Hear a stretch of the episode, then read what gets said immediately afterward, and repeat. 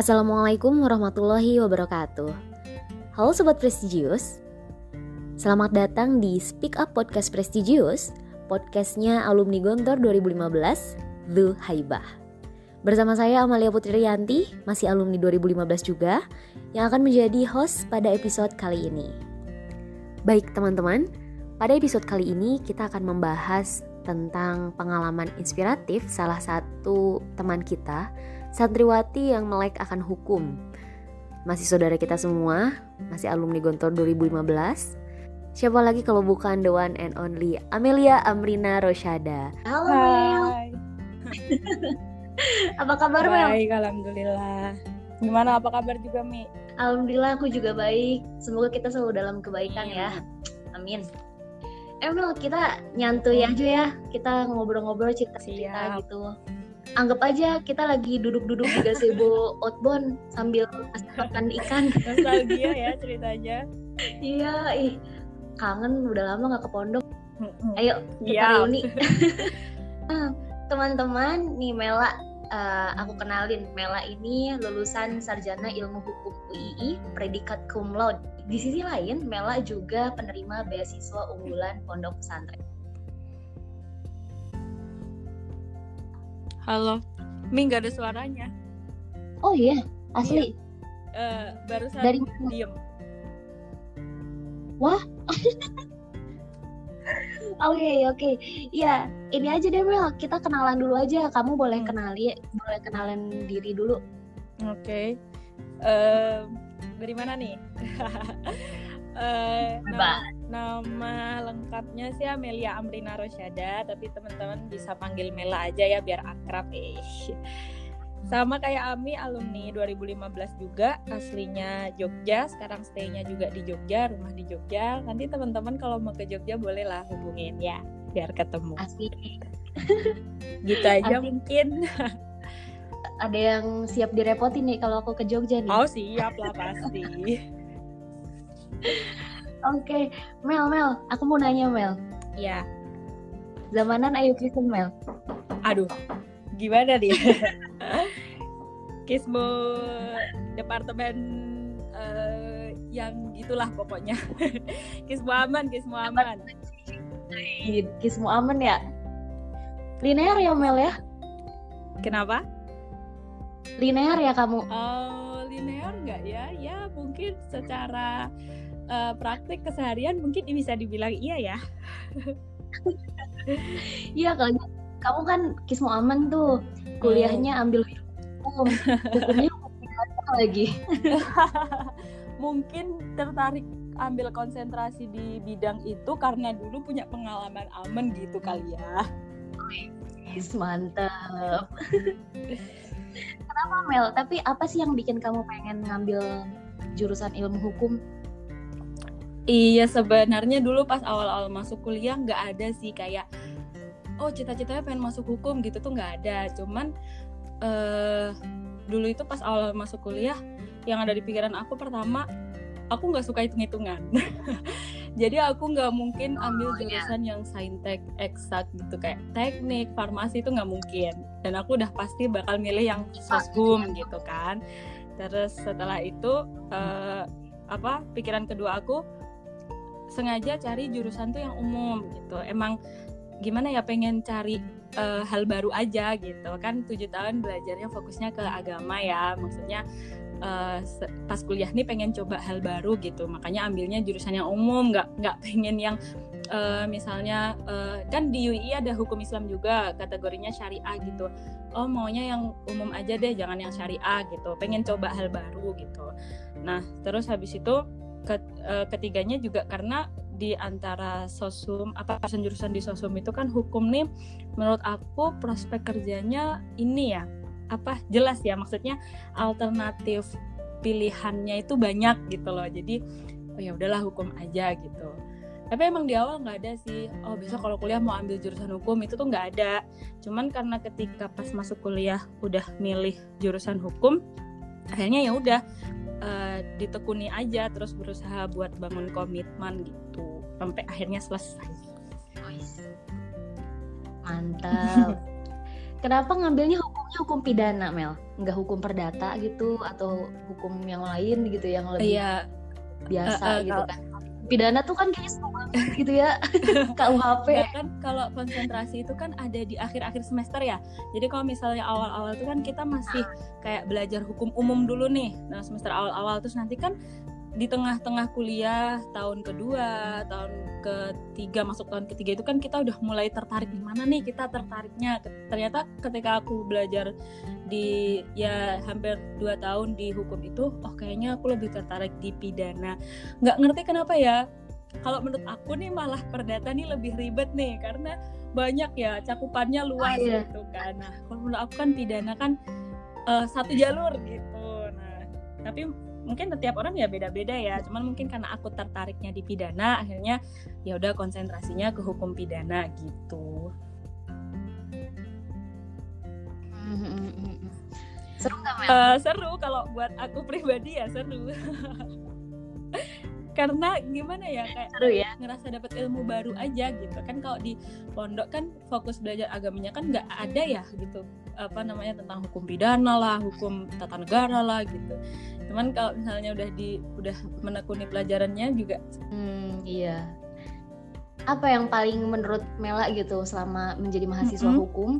Itu yang paling seru gitu pas kamu pelajari itu apa? Hmm, sebenarnya kalau untuk hal belajar di dalam kelas gitu ya itu hal biasa sih ya maksudnya ya paling yang paling seru ya cuma kayak dapat ilmu baru gitu cuman yang paling interested selama masa kuliah tuh uh, di luar hal belajar sih maksudnya kayak misal jadi delegasi lomba gitu. gitu ya. itu kan jadi kayak punya bumbu-bumbu tersendiri gitu ya di di apa namanya perjalanan mahasiswa gitu jadi sebenarnya kalau untuk hal belajar itu kan udah hal wajib yang harus kita jalanin. Jadi ya udah biasa gitu. Cuman kan harus ada kayak bunga-bunganya apa gitu. Nah itu kayak misal jadi delegasi lomba atau ikut program internasional atau ikut program apa dari kampus itu jadi delegasi kampus tuh sih yang bikin ya ada ada feelnya gitu sekolah di hukum gitu. Tapi ini aku kan dengar nih kamu itu kan uh, di beasiswa pesantren yeah. UI ya. Berarti kan kamu juga jadi yeah, santri bener. itu selain selain ngambil ilmu hukum tapi kamu juga yeah, menjadi yeah. santri gitu. Nah itu sedangkan kamu kan ngambil ilmu hukum mm -hmm. umum.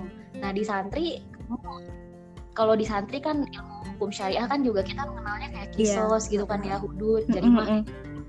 Nah itu kamu ngebalance keduanya itu ah, gimana? Just, ya justru ini justru apa namanya kenapa dulu juga sekalian ngambil pondok pesantren itu buat berusaha biar seimbang gitu. Karena kan sayang dong udah tujuh tahun belajar agama belajar fokus ke agama kok tiba-tiba masuk kuliah terus lupa gitu itu kan sayang. Nah kebetulan karena kuliahnya ini kan kampusnya juga Universitas Islam nih. Nah kayak uh, hukum-hukum Islam kayak jinayah, mawaris, munakaha, apalagi siasa itu udah jadi mata kuliah wajib yang harus aku pelajarin. Nah, belum lagi nanti di pondok itu kan sistemnya kayak kuliah gitu. Nah, di situ juga kita belajar kayak jinayah yang kayak mata kuliah-mata kuliah yang aku sebutin. Jadi, selain di kampus aku mendalami hukum-hukum positif, hukum-hukum yang umum lah ya istilahnya di pondok juga aku belajar tentang hukum Islam gitu jadi menurut aku itu bisa ngebuat balance sih ilmu pengetahuannya ketika misal ada di hukum uh, positifnya seperti ini oh ternyata di agama harus seperti ini mana yang harus kita dulukan posisi kita gimana itu bisa kayak bisa bisa memahami gitu loh Pos apa memposisikan diri itu gimana gitu uh, kalau misalnya kamu kan udah tahu hmm. nih hukum-hukum yeah. Islam ya apa hukum Islam pelajari hukum umum hukum tentang kenegaraan juga mempelajari yeah. gitu kan ya tapi uh, kita kan tahu ya kalau misalnya Indonesia ini bukan negara yeah, agama gitu uh -uh. makanya hukum pidananya uh, apa tuh yeah. undang-undangnya ya yang ada memang memang dari mm -hmm. negara gitu kan untuk yeah. umum gitu nah menurut kamu nih menurut kamu kenapa nggak bisa kita terapin hukum agama eh hukum agama apa tuh? Eh ya hukum agama hukum syariah itu di Indonesia. Hmm, sebenarnya bukan nggak bisa diterapkan ya karena memang uh, sistem dan konsep negara kita ini bukan negara muslim. Jadi kita nggak bisa memaksakan uh, syariat itu diterapkan di satu negara ini. Karena kan yang menduduki negara ini kan nggak cuma orang muslim aja. Nah jadi kita nggak bisa dong egois memaksakan satu uh, aturan untuk seluruh negara. Terus nanti gimana yang non Muslim untuk menaati aturan negara kan gitu. Nah kalau misalnya di Aceh gitu iya. kan beda lagi. Di Aceh itu kan memang daerahnya daerah khusus yang di mana memang diberlakukan hukum-hukum syariat, hukum-hukum Islam gitu kan. Itu memang udah keputusan pemerintah daerah, pemerintah setempat gitu. Nah di sana kalau memang misal ada apa namanya warga yang non muslim yang tidak bisa menaati ya silahkan jangan tinggal di sana kan seperti itu. Tapi kan kalau untuk satu negara kalau untuk satu negara kan nggak bisa karena kita kan bukan negara muslim dan mayoritas ma apa maksudnya warga-warganya itu nggak semuanya muslim gitu. Jadi kita nggak bisa paksakan. Jadi untuk di negara memang kita ikuti aturan negara kayak uh, hukumnya negara itu gimana. Cuman kalau misalnya di daerah-daerah tertentu ada yang menerapkan hukum Islam, nah itu diperbolehkan gitu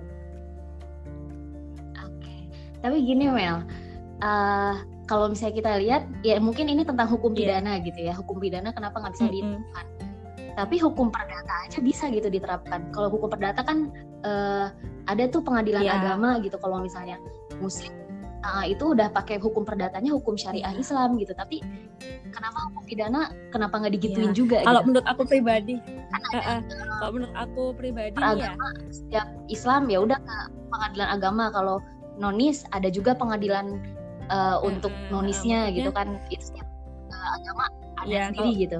uh, dalam hal perdata misal waris atau perceraian gitu memang ada khusus ya. Uh, apa namanya kalau misalnya cerai orang Islam cerainya di pengadilan agama. Kalau misalnya orang non Islam cerainya di pengadilan negeri. Begitu juga dengan waris gitu ya. Tapi kalau untuk hukum pidana hmm. hukum pidana itu kan sanksinya nanti itu biasanya berakibat fisik. Sanksinya itu kan uh, sanksinya itu sanksi fisik gitu loh. Itu kan nanti hub hubungannya hmm. ke hak asasi manusia. Maksudnya ketika ketika seseorang disanksi fisik kalau misalnya misalnya orang itu menganut agama yang tidak memberikan dia sanksi fisik masa harus kita terapkan apa namanya aturan di agama kita yang memang menerapkan sanksi fisik? Nah, itu nanti kaitannya dengan gimana hak hak hak seseorang untuk merasakan hidup yang tenang gitu di dalam sebuah negara. Karena dia harus dipaksakan dengan aturan agama lain akhirnya dia tidak bisa mendapatkan haknya untuk hidup tenang. Karena uh, harusnya tidak dihukum secara fisik tapi dia dihukum secara fisik. Misal seperti rojam atau eksekusi mati misalnya atau kisos gitu kalau misalnya di hukum agama di hukum Islam itu diterapkan tapi misalnya non Islam tidak menerapkan tapi negara menerapkan hukum itu kan bahasa bahasa ininya kasihan lah. Masa apa namanya? Ya. kita kayak kayak menyalahi aturannya dia gitu. Atau lagi apalagi ini ya ya sih ya kebuka juga. Nanti kalau misalnya uh, yang apa hukum pidana di Islam dan hukum pidana di non Islam kan iya, kan berbeda bener. gitu ya. Nanti ada orang yang ya udah aku ngambil agama yang mudah aja deh hukumnya. Aduh, susah juga kan kalau jadinya kayak iya, gitu kan. Iya, uh, Mel, iya. Menurut uh -huh. kamu nih, ini kamu kan sebagai orang yang sudah lulus dari apa namanya dari mm -mm. ilmu hukum, udah kumlot wih mantep. iya. Kenapa seorang seorang muslim gitu ya, seorang perempuan eh bahkan muslim ataupun bahkan kita gitu ya perempuan itu harus melek hukum. Uh, gimana ya? Kan kita kan kita ini tinggal di negara hukum sistemnya negara republik gitu kan. Sebenarnya menurut aku ya hukum itu nggak mandang status. Jadi mau kita cowok mau kita cewek mau kita muslim mau kita non muslim sebenarnya semuanya harus paham hukum. Nah, apalagi ini kita posisinya nih wanita nih muslimah ya kan. Kita kan harus jadi gimana ya manusia yang pintar. Kita harus punya uh, kepribadian yang kuat. Kita harus uh, memiliki ilmu yang tinggi. Karena kan nanti kita kan di ujungnya di akhirnya itu nanti kan kita bakal jadi guru ya untuk anak-anak kita. Kan kita juga harus mempersiapkan. Apalagi hukum itu nggak maksud aku uh, kita sebagai muslimah itu kan diwajibkan untuk menuntut ilmu nih. Yang kayak kita tahu tolabul ilmi faridalah kulli muslimin wa muslimat gitu kan ya. Nah hukum ini kan termasuknya adalah ilmu. Jadi gimana kita mempelajari ilmu itu nanti kan pasti ada manfaat baiknya nah untuk hukum sendiri gimana? Nah, menurut aku, ketika muslimah itu memahami hukum, dia juga akan secara tidak langsung dia pasti akan memahami gimana dia untuk menerapkan hak dan kewajiban yang ada dalam dirinya, hak dan kewajiban kepada keluarganya, hak dan kewajiban kepada negaranya, itu dia pasti akan paham betul. Dan bagi aku, muslimah yang bisa menerapkan hak dan kewajiban itu dengan benar, itu ya udah perfect lah gitu istilahnya. Nah, dari dari hukum juga kalau menurut aku ya, hukum itu bisa gimana ya kayak ngebangun jiwa kepemimpinan gitu loh. Jadi walaupun kita muslimah ya kita nggak boleh dong. Maksudnya punya jiwanya cuma jiwa-jiwa uh, manut manut manut gitu. Iya memang harus nurut. Ada suatu tempat memang kita harus mengikuti uh, imam misalnya mengikuti suami atau mengikuti uh, apa laki-laki gitu. Tapi kan di, di sisi lain kita juga harus punya jiwa kepemimpinan. Apalagi nanti kita mendidik anak kayak gitu. Nah dari dari kita belajar hukum ini, menurut aku yang aku rasain nih ya dari hukum ini bisa ngebangun jiwa kepemimpinan aku gitu. Mantap. ya aku aku pernah aku jadi keinget tahu tentang kepemim, kepemimpinan yeah. gitu ya. Kalau misalnya dibilang pemim eh ini malah jadi keluar gak apa-apa kali ya. Kita ngomong. Iya, aku keinget tuh uh, di Gontor itu kan kita diajari gitu untuk yeah. menjadi pemimpin ya meski emang isinya orang-orang apa namanya perempuan yeah. semua gitu kan tapi tetap kita diajari bagaimana kita menjadi leader untuk suatu suatu yeah, benar, kaum benar. gitu tapi kaumnya juga memang isinya kan perempuan mm -hmm. semua kalau misalnya aku aku pernah ini kemarin tuh sempet nemenin yeah. teman aku tuh teman aku tuh bikin skripsi tentang yeah. kepemimpinan wanita yang ada di Gontor katanya terus nanya tuh ke Ustadz uh, Virus ke Ustadz Virus. Subakir kenapa di Gontor perempuan di ini disuruh disuruh jadi pemimpin gitu kan? Kenapa dididik mm -hmm. menjadi pemimpin? Gitu. Sekarangnya buat navigator. Navigator, navigator iya benar-benar mm -hmm. banget jadi jadi uh, kamu iya benar perempuan memang harus uh, mengikuti apa yang uh, laki-lakinya apa ya kalau misalnya bahasanya kan waro arojulin hmm. gitu kan waro arojulin animin gitu kalau perempuan itu. Tapi di sisi di situ pun di situ si perempuan harus paham gitu tentang uh, apa yang dilakukan sama laki-lakinya gitu. Jadi navigator sih laki-lakinya kayak gitu. Iya gitu. Jadi emang aku enggak menurut aku salah satu ya mungkin banyak faktor ya yang bisa membangun jiwa kepemimpinan kita sebagai muslimah. Tapi uh, karena aku udah belajar ya maksudnya udah ngalamin gitu ya. Uh, aku sih ngerasa dari belajar ilmu hukum ini aku bisa paham gitu loh tentang jiwa kepemimpinan yang harus kita uh, kuasain dalam diri kita itu gimana. Dan karena aku juga uh, menyeimbangkan dengan ilmu agama juga maksudnya aku juga belajar di pondok pesantren gitu kan jadi bisa mengerti gitu loh oh menempatkan diri sebagai muslimah yang bisa memimpin tuh bagaimana sih gitu Ih, cakep seru. kamu ada pengalaman gak Mel? Pengalaman apa gitu yang kayak misalnya kamu pernah dihadapin suatu uh, kasus yang harus kamu analisa gitu di mahasiswa itu udah dipelajari nggak sih kayak gitu? Kasus-kasus. pasti. Banyak kasus ya banyak ya pasti. Cuman kan uh, memang kasus-kasus yang sekadar untuk uh, pelajaran gitu loh. Karena kan setiap kita belajar nih belajar tentang misal tentang uh, gimana ya cara menanganin kasus gitu. Itu kan pasti dosennya kan ngasih kita kayak kasus nyata ya kasus real cuman namanya di uh, pasukan gitu biar biar nggak kedetek ya, gitu loh ya, kayak gitu. Banyak sih tapi mau diceritain satu-satu.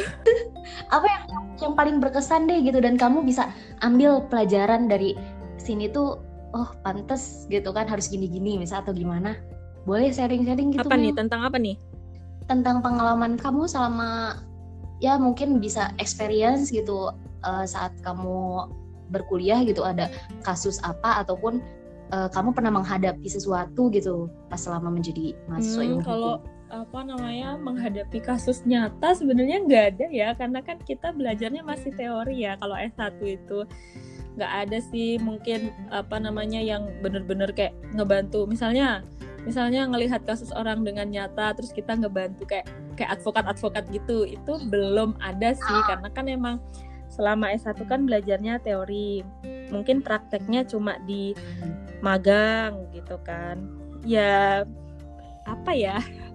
Tapi kalau kasus nyatanya nggak nggak boleh di ini, nggak boleh diumbar gitu, Mi. Ah iya. Maksud aku gini, pengalaman kamu yang memang ini kan kita ngebahas nih uh, santriwati yang apa ya? Bukan santriwati. Iya, saat kamu pernah menjadi mm -hmm. santriwati gitu kan, mm-hmm. yang melek akan hukum gitu. Nah itu ada nggak sesuatu yang saat kamu mempelajari ilmu hukum itu tuh cross sama uh, apa yang diajarkan sebelum-sebelumnya dengan apa pada agama hmm, ada gitu. sih Kayak ada gitu. ada maksudnya hal-hal yang bisa diselaraskan antara hukum dan agama gitu ya uh, bertentangan. Oh, justru yang bertentangan. Bukan selaras, bertentangan. Um, hmm. Itu pernah nggak kamu mengalami seperti itu?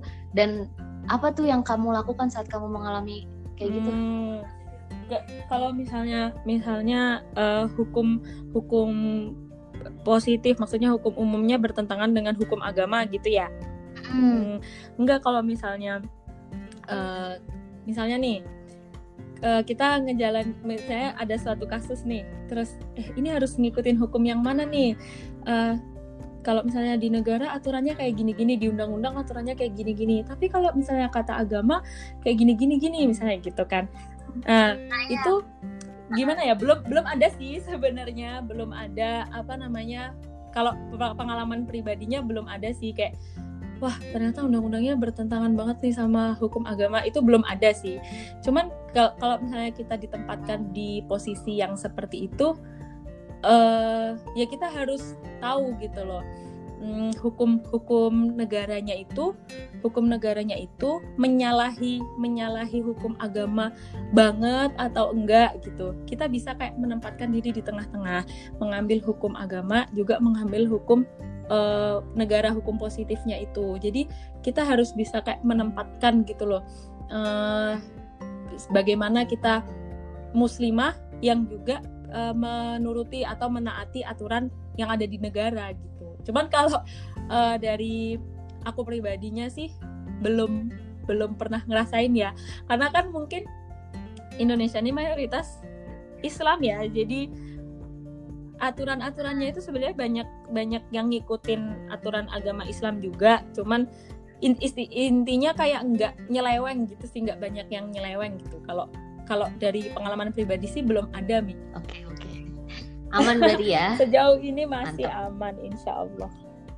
Siap. Tapi ada pernah nggak gitu kamu merasa kayak uh, ya aku malah jadi ngulik-ngulik ya maaf ya.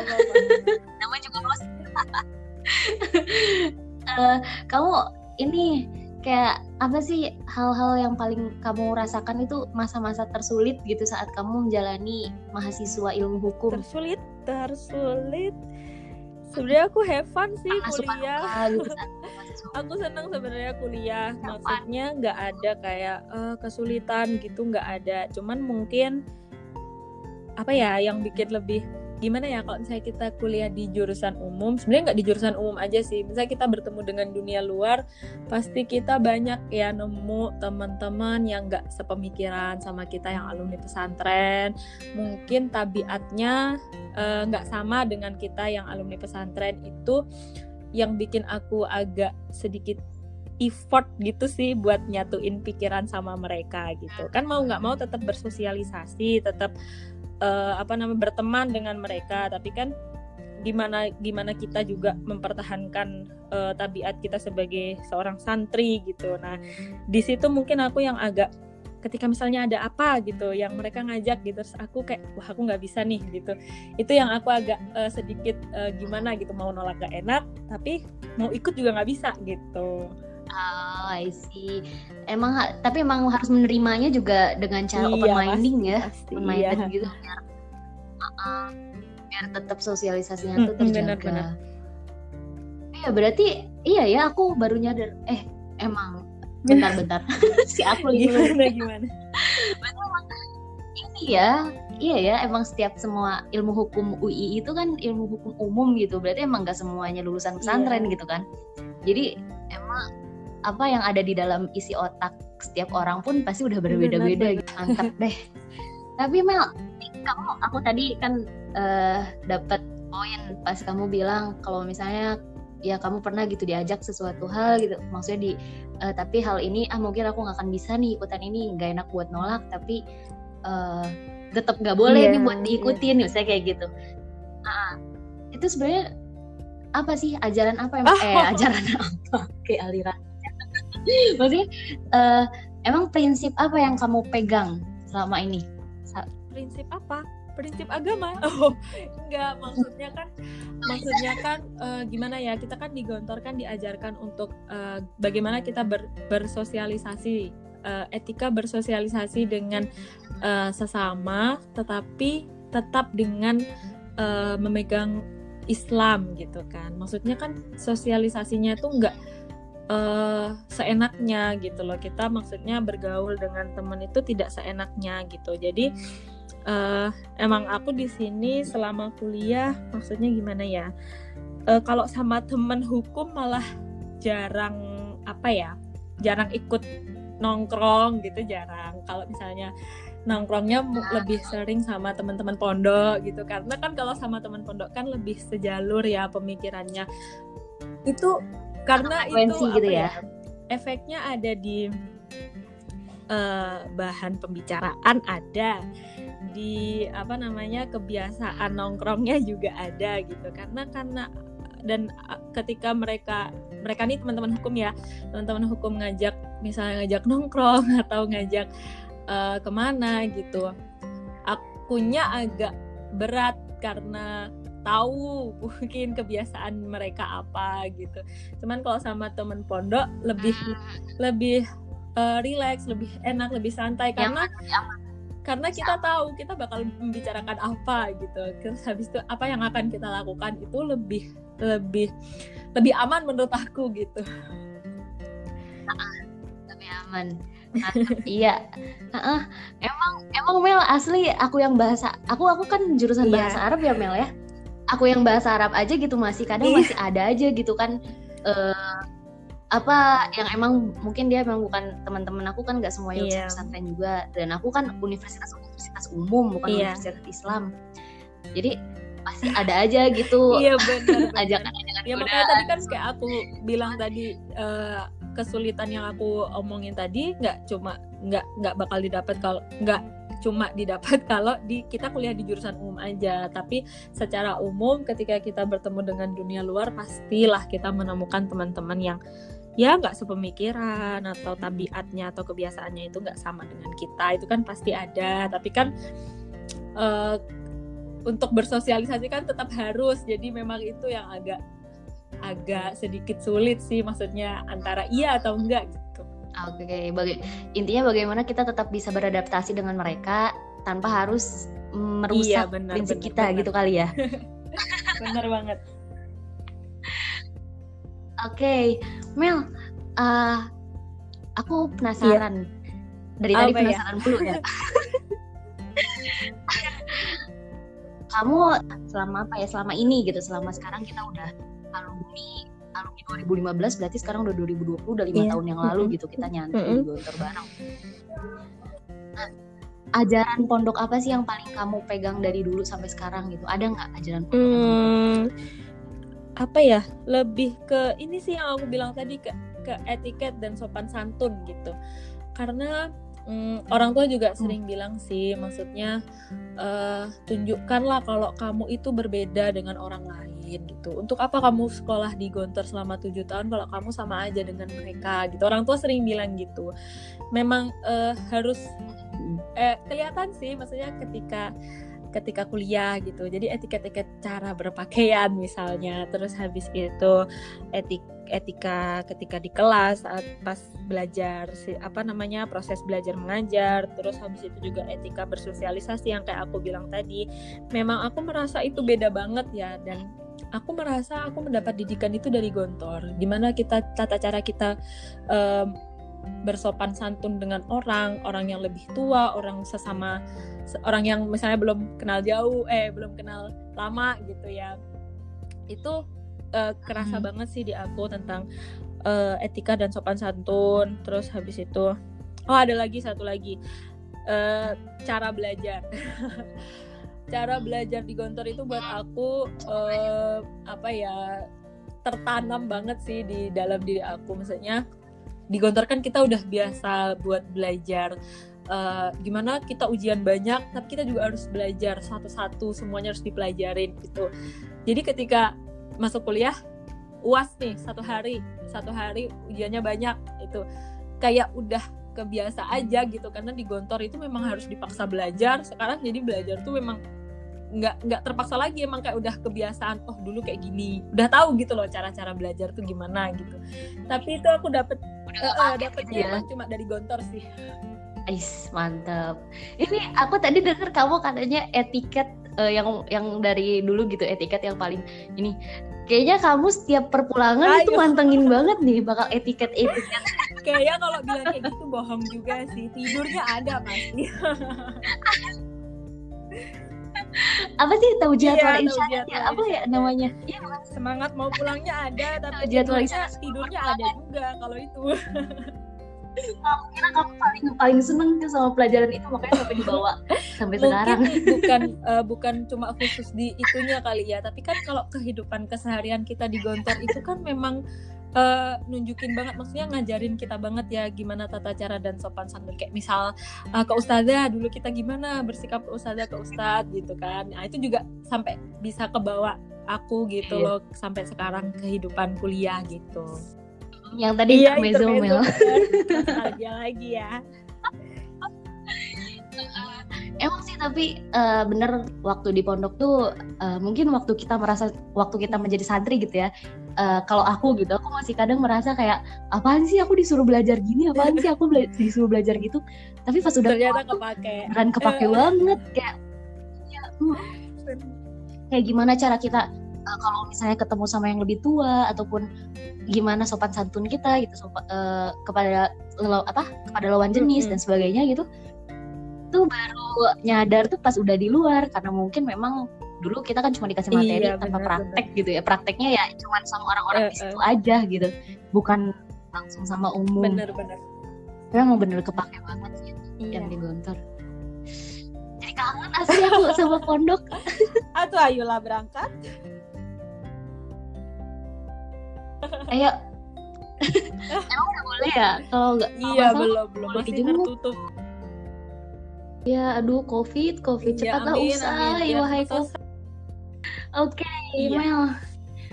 Eh nggak kerasa lo kita ngomong udah 30 iya udah lama lebih, ya. 30 menit lebih 34 menit. Hmm, tapi seru lah ngobrol sama Mela tuh aku aku pengen main lagi Mel Mel kalau misalnya aku ke Jogja jangan ini ya Mel ya oh, jangan kapok aku datengin ya Mel terbuka nih rumahnya selalu buat iya aku kalau kalau udah sama Mela tuh emang kalau cerita cerita nggak bisa berhenti Mel cerewet soalnya orangnya Oke okay, Mel, terima kasih mm-hmm. banget Mel udah yeah. ngeluangin waktunya buat sharing-sharing di podcast mm-hmm. prestigious ini. Mungkin aku pengen minta uh, closing statement oh. nih dari kamu gitu untuk apa ya? Uh, gimana ya? Santri santri kita sebagai santri itu uh, merupakan representasi ya dari kiai tapi juga representasi buat bangsa. Jadi ayolah ayo kita bareng-bareng kita bawa nama baik santri kita buktiin kalau santri itu juga bisa pegang kendali gitu. Kita juga bisa kasih tahu kan ke dunia luar itu kalau santri itu nggak cuma paham tentang agama, nggak cuma ngerti tentang masalah agama aja, tapi kita juga bisa punya kapabilitas di segala bidang, tapi dengan tetap berprinsip fi ardin nato fanahnu masul an islamiha. Jadi gimana kita uh, menyeimbangkan yang kayak Ami tanya tadi deh yang menyeimbangkan antara agama, prinsip agama yang kita punya dan juga ilmu-ilmu lain di luar ilmu agama gitu. Mantap. Langsung jadi kuat aku langsung catat quote ini terus aku jadiin ini. Iya. makasih Mel. Iya. makasih banyak karena udah mm. di sini. Ah, teman-teman teman-teman presidio semuanya tadi kita udah sharing-sharing bareng gitu sama Amelia Amrina Rosyada yang akrab dipanggil Mela teman-teman tetap stay tune terus di podcast prestigious karena setelah ini masih banyak pembahasan-pembahasan uh, yang seru lainnya. Jadi stay tune terus. Speak Up Podcast Prestigious. Sampai jumpa. Dadah Mela. Assalamualaikum.